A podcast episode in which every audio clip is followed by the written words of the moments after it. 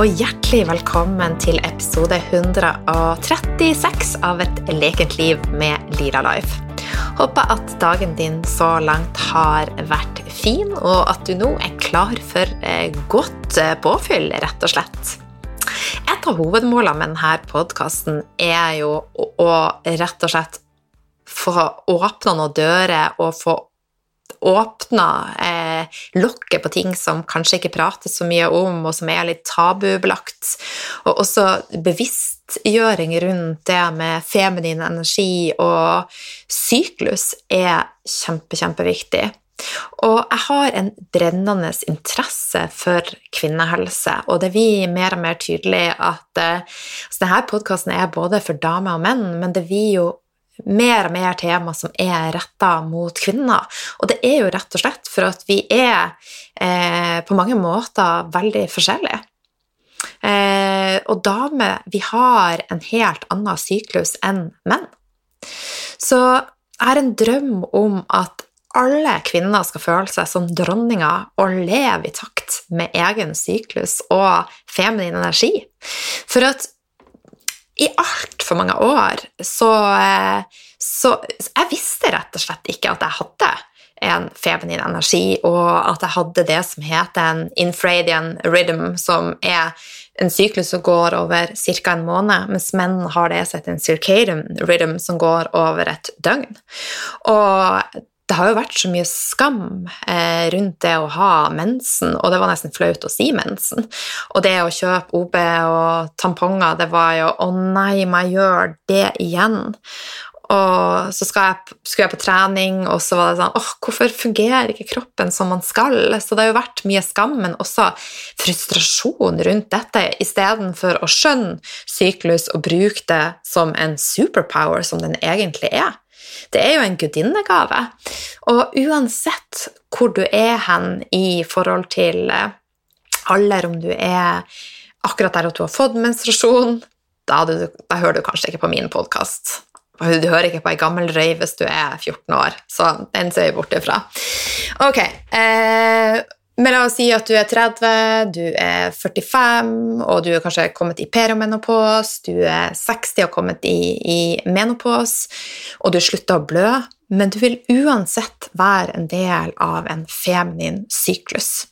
Så det er så utrolig spenning. Spenning! Spennende.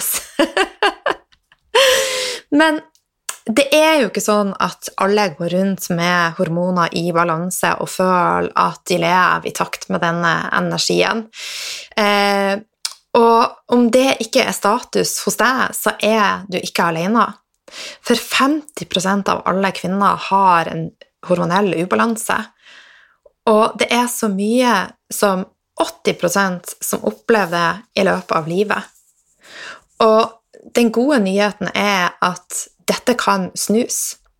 Og det med hormonell balanse er kjempeviktig, og det burde nesten ses på som et, et av de vitale tegnene på samme, ligne, på samme måte som eh, man sjekker blodtrykk, feber Altså det er rett og slett en indikator på hva som skjer i kroppen din.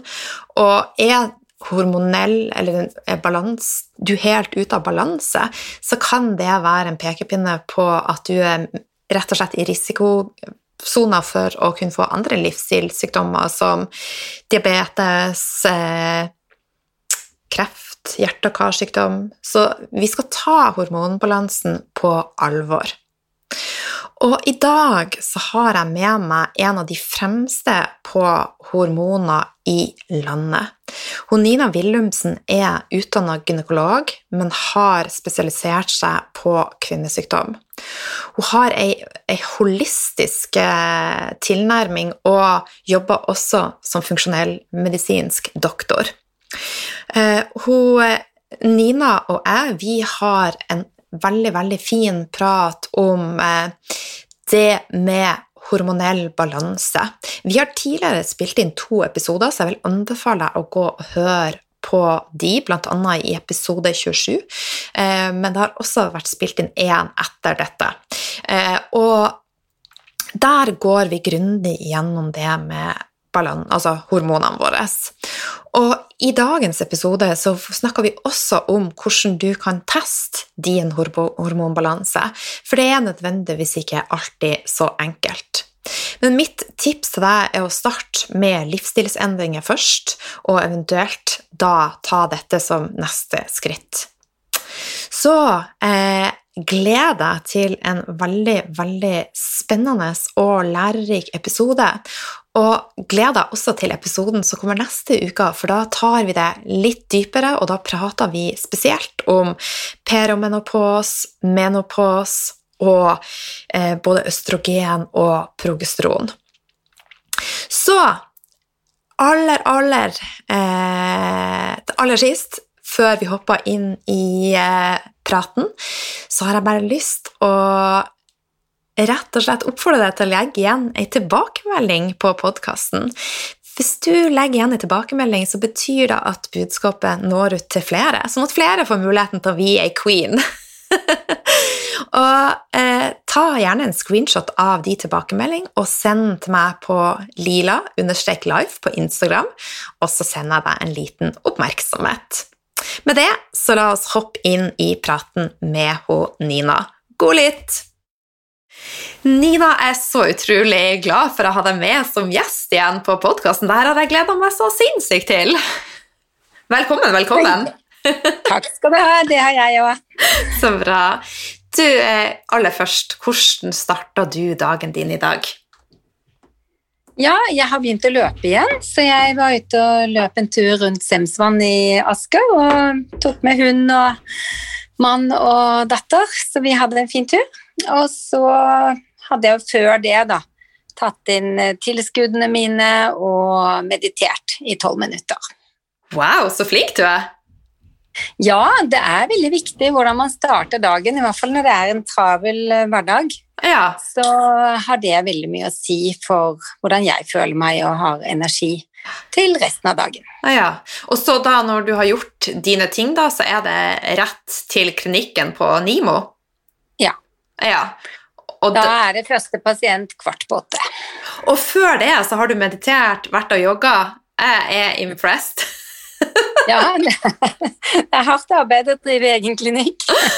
ja, jeg kjenner, jeg, kjenner at eh, jeg er nødt til å klare å Jeg er så treg om morgenen, men jeg mediterer, det gjør jeg. ja. Men ingen joggetur. Men du, du, du har jo tidligere vært med på podkasten, og vi har snakka om eh, hormonbalansen, og da spesielt kvinners hormonbalanse.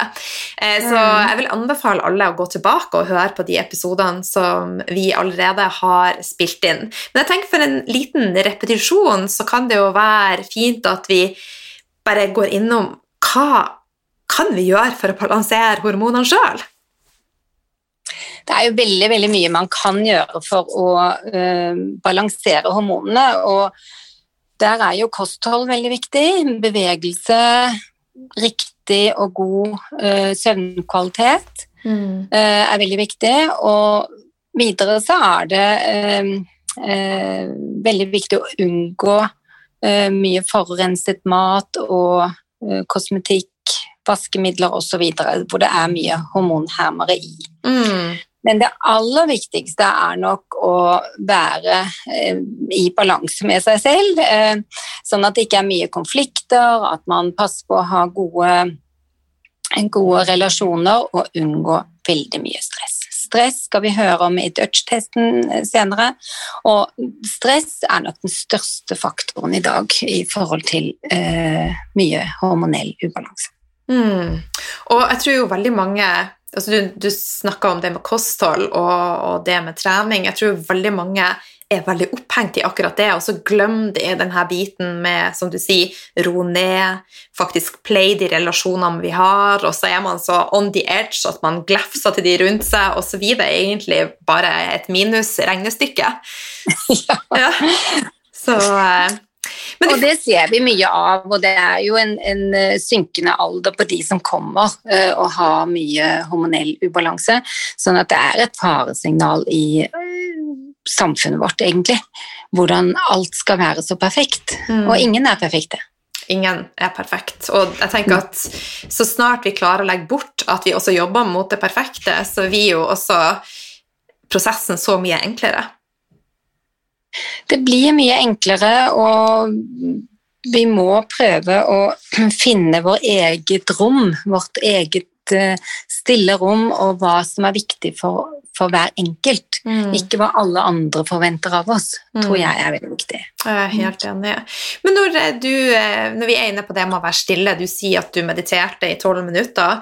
Eh, setter du deg ned alene, eller følger du noen app, eller? Nei, jeg har en app. Ja. Har du ja. funnet en favoritt?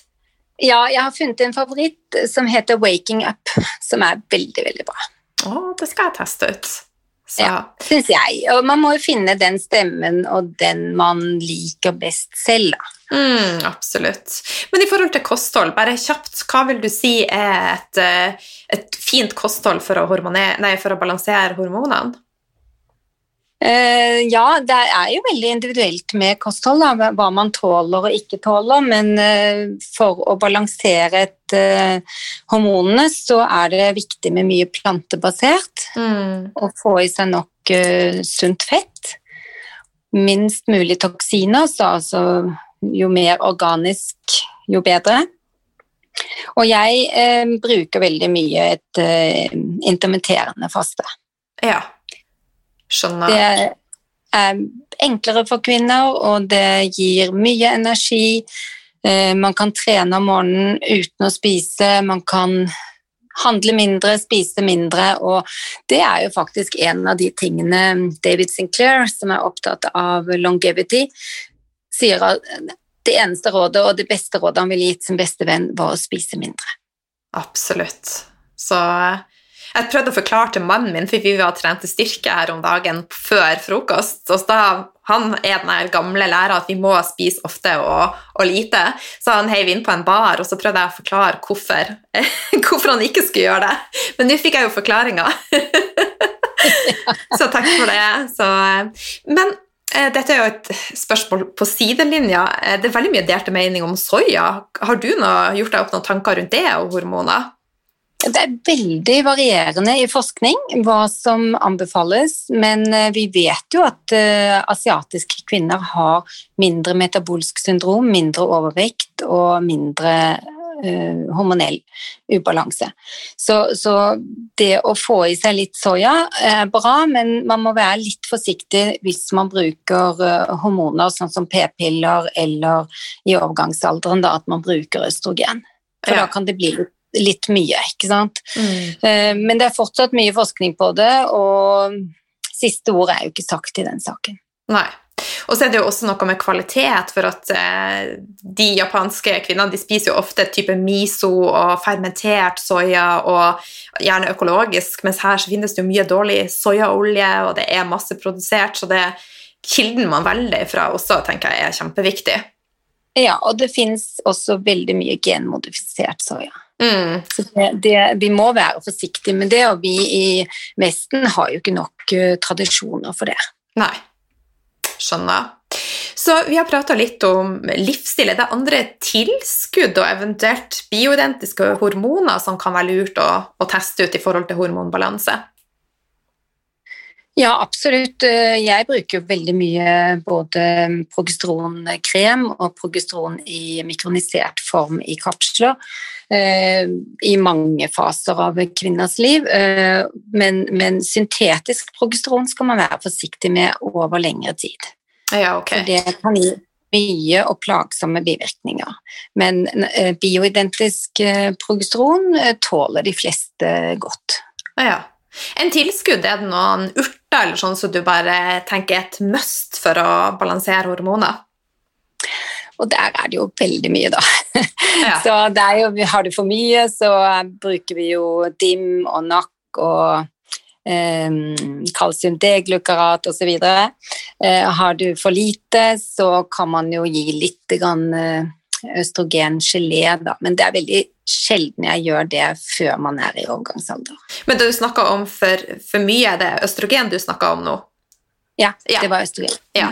Østrogendominans, så må man jo prøve å få ned um, mengden østrogen i kroppen, og det er jo en stor utfordring i dag med østrogendominans. Ja. Jeg har hatt eh, god nytte av å bruke Burdock, eh, faktisk. Jeg vet, ja, du, jeg vet, ikke om du har hørt om det i rot. Eh, så jeg var plaga med mye hormonell hodepine, og etter jeg starta med den, så har jeg gjort flere tiltak. Da. Det, for den hjelper ja, med ned, nedbryting av østrogen, og den støtter levra, så den er veldig spennende. Ja. ja. Så, og, og mange bruker jo ashwaganda eller kyskhetstre. Altså det er masse forskjellig man kan bruke. Rosenrot. Altså det er helt avhengig av hvilken plage du har. Mm. Så det er nesten umulig, for det er jo over 100 forskjellige vi bruker. Ja, jeg skjønner. Og da er det jo ganske naturlig å nå pense det over til at mange falmer, eh, de famler i blinde. For det er rett og slett, som du sier, vanskelig når det kommer til hormoner, å, å vite hvordan er status i min kropp. Og så kom jeg mm. over eh, noe som heter Dutch-testen. Jeg tror kanskje du har snakka om den, men jeg har ikke vært fått det med meg, og så bare var jeg kjempenysgjerrig. Så eh, kan ikke du fortelle oss litt hva dette er? Altså, hva er denne testen? Ja, det er en mm, test som er veldig mye brukt blant uh, funksjonellmedisinske leger, som, som, jeg også er. Uh, og vi uh, sverger jo til Dutch-testen fordi at det er den beste måten å måle hormon, hormonnivåene på. Blodprøvene er jo bare tatt på et gitt tidspunkt, mens Dutch-testen måler flere ganger i løpet av døgnet. Og den måler eh, Altså selve akronymet Dutch eh, betyr Dried Urine Test Comprehensive Hormones. Så det høres ut som det er en tysk test, men det er altså en um, fullstendig hormontest som måler alle sexhormonene, nevrotransmittere, melatonin, eh, okside, eh, oksidativt stress, nevrotransmittere eh, og metabolitt effektene fra eh, hormonene testosteron, progesteron og østrogen. Så du får et veldig komplett bilde av eh, pasientens eh, hormonelle balanse, og den sier også noe om aminosyrene og metyleringen i kroppen. Så hvis du har en dårlig metylering, så hoper jo metabolittene seg opp, ikke sant? og så blir det eh, ofte østrogendominans da, i forhold til progesteron. Ah, ja. Så dette er komplisert, og det har, eh, har også en nær relasjon til epigenetikk, som er gentester som vi kan påvirke.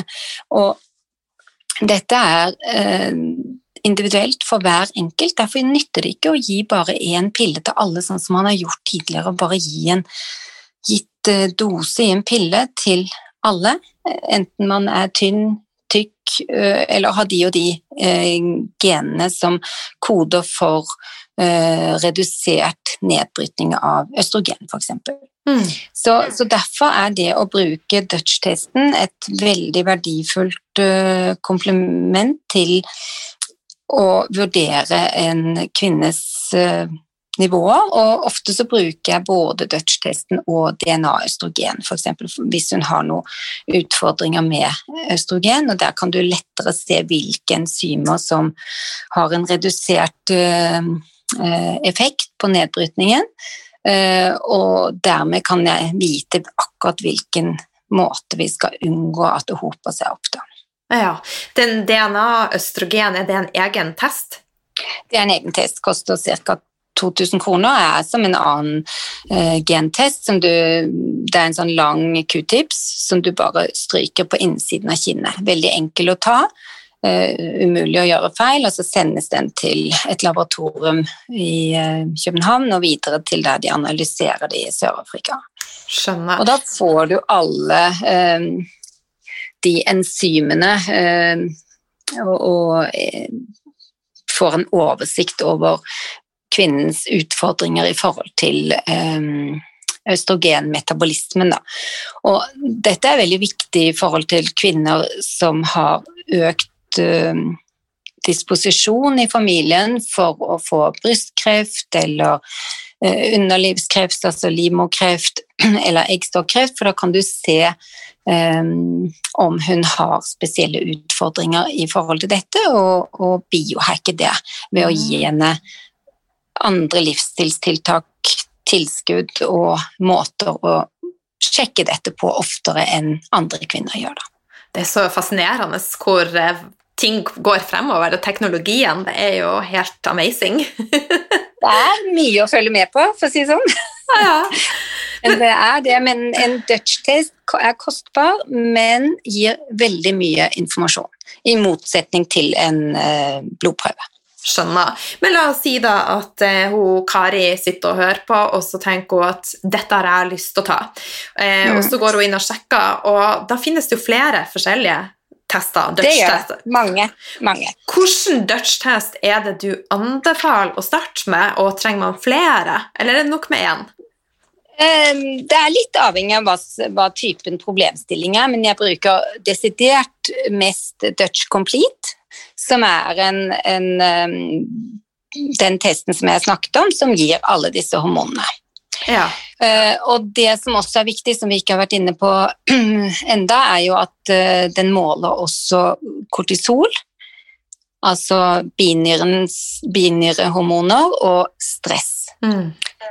Som jo er en av de største utfordringene vi har i dag med bare stressede mennesker som løper rundt og skal gjøre alt.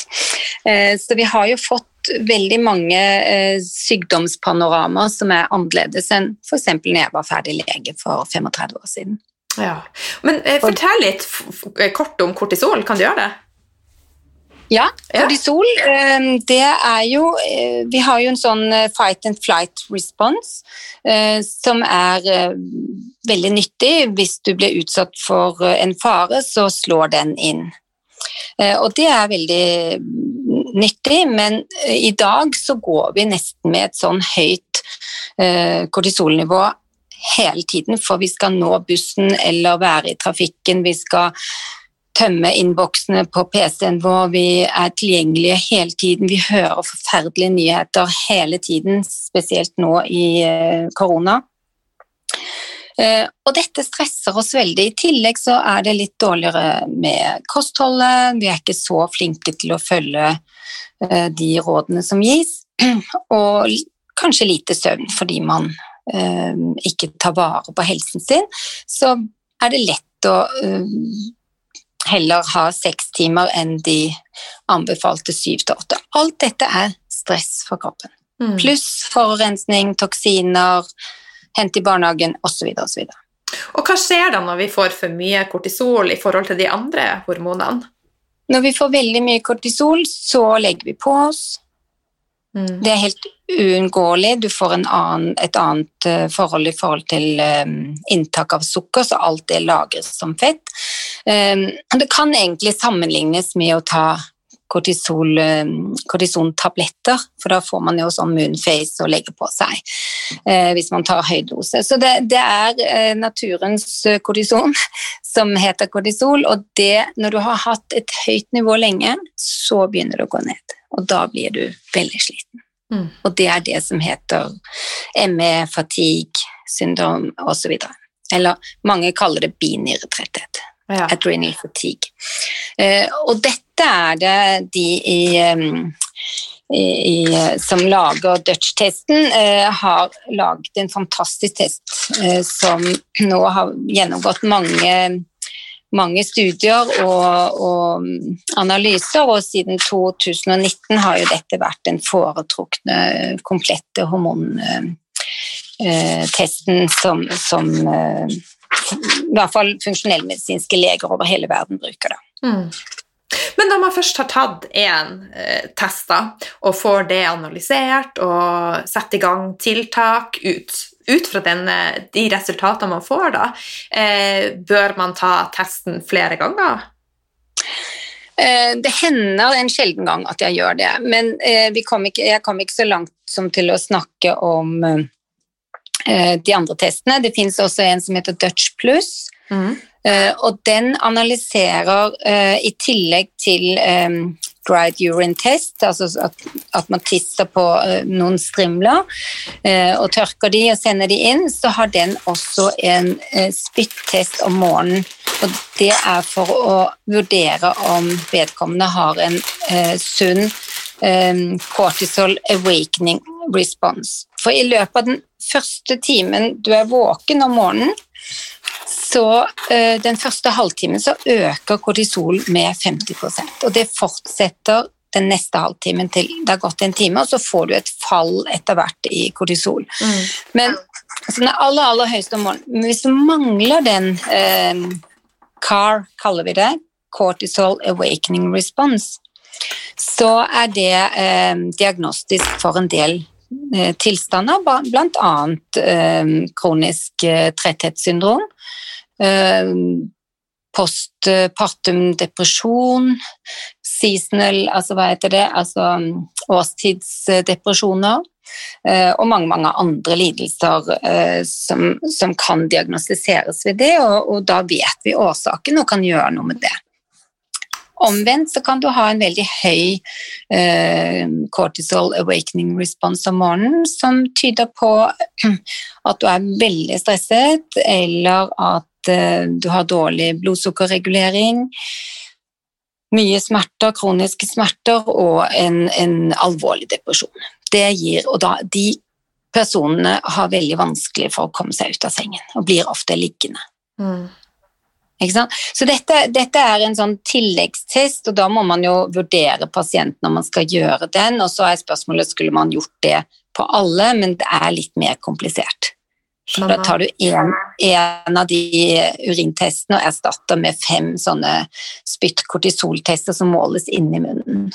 Ved at du setter en liten sånn tampong inn i munnen. Så den bruker jeg av og til på de jeg har som, som, jeg opplever står i en livskrise, eller som har sånne utfordringer som vi ikke da klarer å se på den andre testen. Og så er det de som ikke får barn, eller har en syklus de ikke forstår seg på, uregelmessige blødninger osv., så, videre, så kan du gjøre en Dutch-test som heter Dutch eh, Cycle Mapping.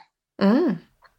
Og da tisser du på ni sånne eh, strimler i løpet av måneden. Og da får du mange verdier av østrogen og progesteron og de hormonene som, som, styrer syklusen. Så det er noe helt annet enn Dutch Complete.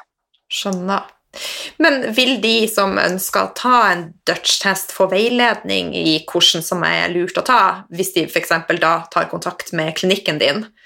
Ja, vi, vi, eh, vi anbefaler jo ut fra problemene de har. Ja. Og, og, det vil bli en helt annen anbefaling for en ung kvinne med masse syklusproblemer.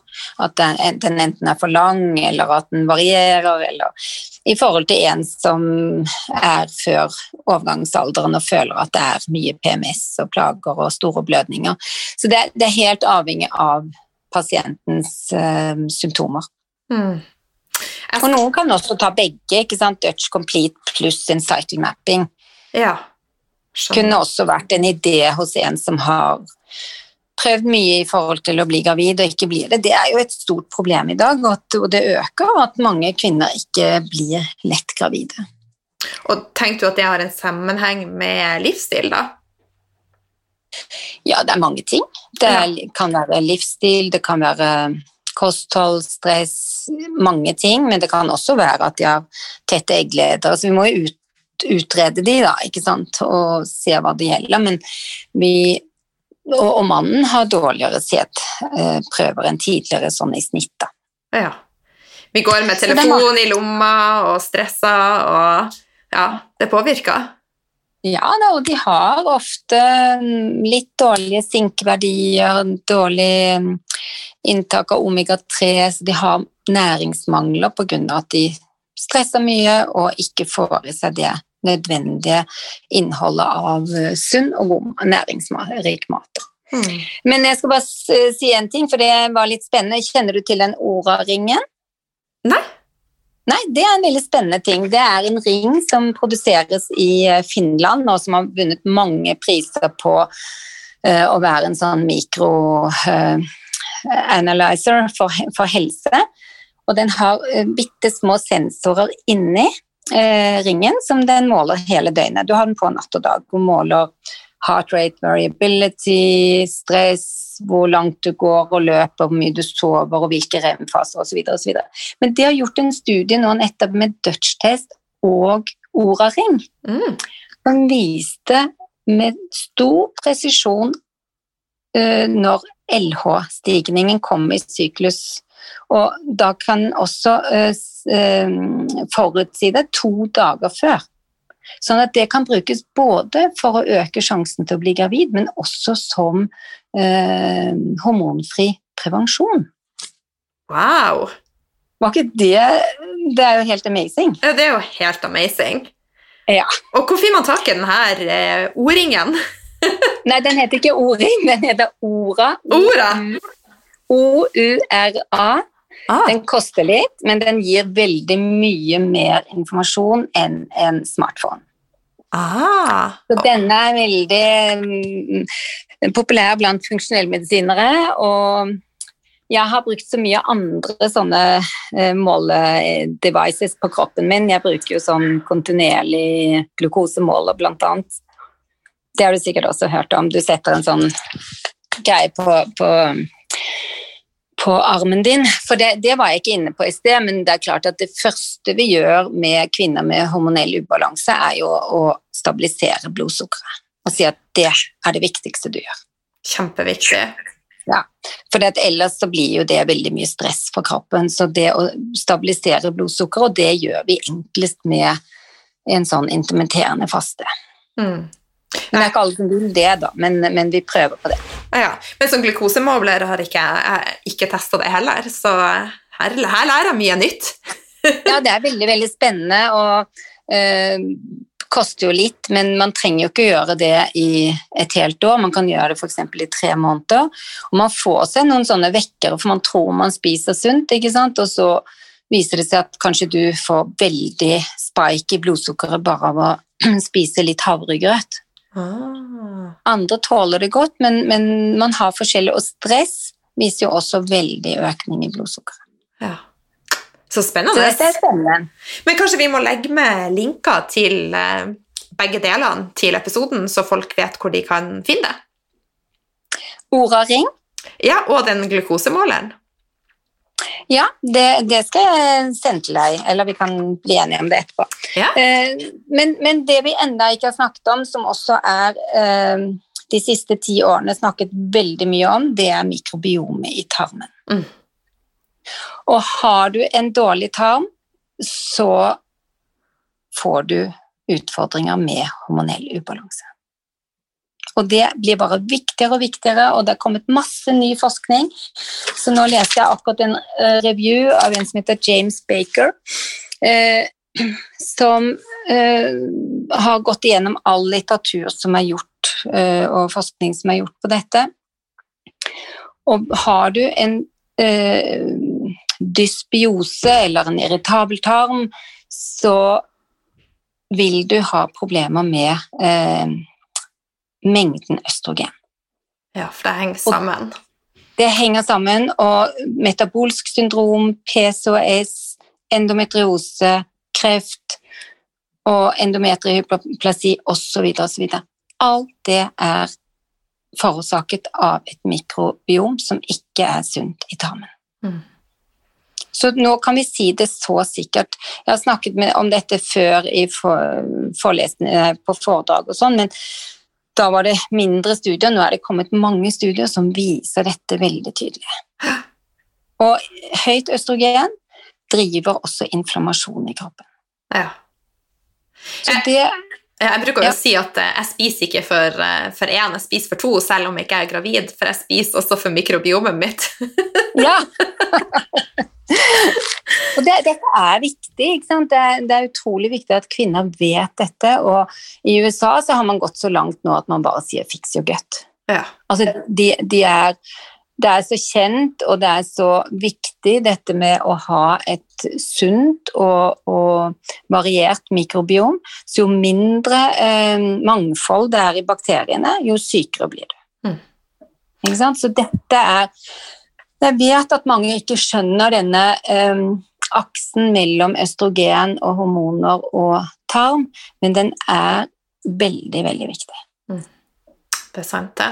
Og mm. eh, hva vil du si er det viktigste du kan gjøre for mikrobiomet? Selvfølgelig stress ned, men i forhold til kosthold? I forhold til kosthold så er det jo det å unngå mm, bearbeidet mat, raffinert mat, unngå de tre store hvitegiftene. Sukker, eh, melkeprodukter og, og Mel. Mel. Ja. Korn. Korn. Ja. Korn i det hele tatt er vanskelig å, å, fordøye. Så alt dette gir en økt permabilitet permeabilitet i tarmen, som gjør at du får andre bestanddeler av kostholdet ut i blodbanen, som fører til immunrespons og autoimmune lidelser. Mm. Og vi kvinner er jo ti ganger så utsatt for det som menn. På grunn av Pga. at vi har så store eh, skiftninger i hormonene gjennom syklusen, gjennom livsfasene våre. Mm. Svangerskap, prevensjon, perimenopause, menopause. Så dette er utrolig viktig, og tilbake til Dutch-testen, så kan man jo gjøre en Dutch-test ikke kanskje etter hverandre, for da ville jeg heller eh, kontrollert neste gang hvis det var kortisol f.eks., med en, en saliva kortisoltest som ikke koster noe. Mm. Den kan du ta i det offentlige. Ja, okay. Mens, mens uh, hvis det er kortisol vi snakker om, hvor stresset er du, så kan vi få en, en god uh, indikasjon på det gjennom en sånn enkel test. Mens hele sammensetningen, og det er jo det jeg savner i mitt fag, at vi snakker mer om binyrer, stoffskifte, HPA-aksen osv. For kortisol det vil jo påvirke, for høyere kortisol over tid vil jo påvirke eh, stoffskiftet, og det vil jo påvirke altså Tarmen henger sammen med hjernen via HPA-aksen, ja. så alt er jo bare så connecta. Så det er jo så det viktig det. det du sier, at alt henger sammen. Alt henger sammen, og det er ingen leger som egentlig har tid og mulighet til å gå inn i hver enkelt. Eh, bare ved å snakke, så man må måle og teste og få noen svar, og så kan vi jobbe ut fra de. ikke sant? Mm. Vi kan ikke bare sitte med et sett med blodprøver. og Fastlegene har begynt å sende med blodprøver til, med henvisningene til meg, men de skriver jo ingenting om når de er tatt, så det er helt verdiløst. Bortkastede penger. Ja. For skal man ta blodprøver, så må det jo tas på visse dager i syklusen. Så... Det må det. Mm. Absolutt. Så, så, dette er komplisert, og jeg savner at vi blir mer eh, at dyktigere på dette med å analysere kvinners helse i forhold til eh, både hormoner og stress og søvn og livsstil. Jeg er helt enig. Så... At vi ser hele kvinnen, og ikke bare Som jeg pleier å si, kvinnehelse er en million ganger mer enn bare en celleprøve. Det er det. Og så er den jo veldig forskjellig, som du sier, fra eh, menn sin helse pga. at vi har en helt annen syklus. Så, eh. Ja, og derfor er jeg eh, veldig opptatt nå av det som vi kaller for et estrobolom. Mm. Det er sammensetningen av eh, bakterier i tarmen som produserer et enzym som heter beta-glukuronidase.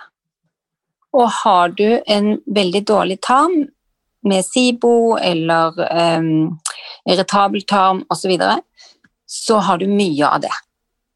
Mm. Og det, det enzymet går ut og klipper bindingene til eh, Østrogen binder seg jo til forskjellige ting, SHBG osv. I, i blodbanen. Så klipper de de bindingene, sånn at du får fri østrogen, som da kan feste seg til reseptorene. Og da blir det veldig mye av det.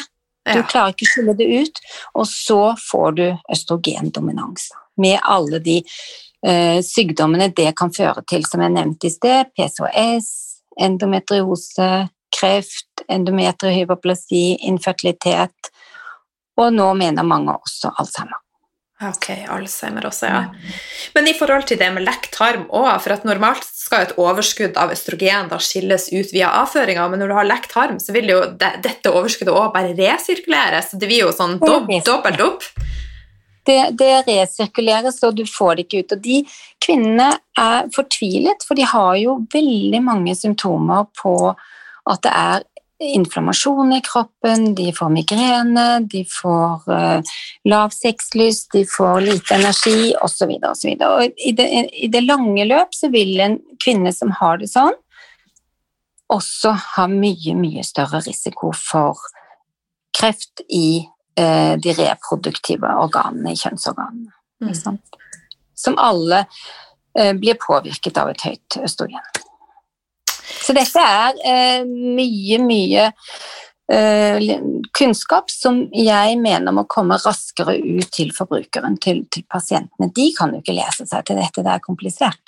Mm, det er det. Det er derfor vi er i dag, Nina! Ja, sant! Så da kan vi starte med å ta kontakt med f.eks. deg eller noen andre som jobber med Dutch-testen, og få tatt den og analysert og faktisk få et godt uh, utgangspunkt. Ja, absolutt. Er det andre ting du vil tilføye rundt denne testen, eller har du fått med det som du tenkte var viktig? Jeg tenker at det er det viktigste, og at det er vel anbefalt uh, investering, men den koster rundt 4000 kroner. Rundt 4000, men er det ja. da med eh, altså alt, utføring og tolking, eller er selve testen fire? Det er selve testen. Ja. Koster det. Mm. Så, så, vi må jo også ta en timepris for å gå gjennom det, ikke sant? for det er ganske komplisert eh, biokjemi mm. som, som, må tilpasses hver enkelt. da. Så vi må vite en del om kvinnen. da. Skjønner. Jeg vet ikke hvor mange som bruker Dutch-testen. Jeg spurte den norske representanten i, Norge, nei, i, i, Oslo, og hun sa at hun visste ikke om noen andre enn jeg som tok Dutch-testen.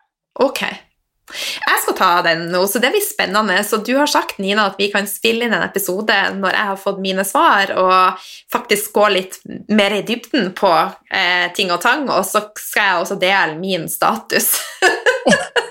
det blir... Den regner jeg jo med at det er veldig bra. Ja, det er fortsatt noe å jobbe med. Det tenker jeg vi alle har. Så, eh... Alle har litt å jobbe med, men det er jo ikke sånn som vi ser hos de som er eh, veldig dårlige. Og det som er veldig bra, jeg har møtt Carrie Jones eh, mange ganger, som er eh, eh, direktør, medisinsk direktør i Precision Analytics, som har denne testen. Og hun er eh, utrolig behjelpelig hvis jeg har noe som jeg liksom lurer litt på, får det ikke helt til å stemme så er det bare å ringe henne, og så får vi gode svar på det. Fantastisk. Ja, det er, det er en veldig god service, og det er noen ganger vanskelig. Ja, det, det kan jeg regne med, altså det, med tanke på hvor komplisert eh, hormonbalansen og ting er. Og det er jo så mye ting som måles også. Veldig. Så det mm. blir spennende. ja. Men du, eh, hvor kan lytterne eh, treffe deg? Ja, jeg vet at det er litt frustrerende, for at mange søker meg opp på Nimo-klinikken, og jeg jobber ikke der. Så jeg har min egen klinikk som heter Dr. Wilhelmsens kvinneklinikk. Ah, så der treffer folk deg? Der treffer de meg. Du, tusen takk for kjempegod informasjon om eh, alt det vi har prata om, og Dutch-testen. Jeg gleder meg faktisk til å ta den. Det blir veldig ja. spennende. Men det er spennende en ting som jeg har glemt å spørre deg om. Er det andre tester som du tenker at bør komplementere denne Dutch-testen, eller er det nok å ta den? Ja, jeg tar jo ofte um, de grunnleggende hormontestene mellom dag uh, to og fire i syklus, sånn at jeg vet hva, hva er grunnivået, og så tar jeg gjerne en test mellom, uke, nei, mellom dag 19 og 23 i syklus. Litt avhengig av hvor lang eller kort syklus de har. Så det, det, er jo de vanlige blodprøvene. Og så mm, tar vi jo ofte da en avføringsprøve for å sjekke mikrobiomet i tarmen. Ja. Og etter at disse nye studiene er kommet, så er vi blitt mye med på at det er veldig viktig. Mm. Skjønner. For å unngå at det bare akselererer fremover. Eh, og det er vanskelig å få et øh, normalt mikrobiom hvis du har mye utfordringer med tarmhelsen din. Mm. Yes. Tusen takk, Nina. Og vi kommer tilbake, for vi har faktisk eh, planer om å spille inn en episode til, så det gleder jeg meg til. Ja, det blir gøy.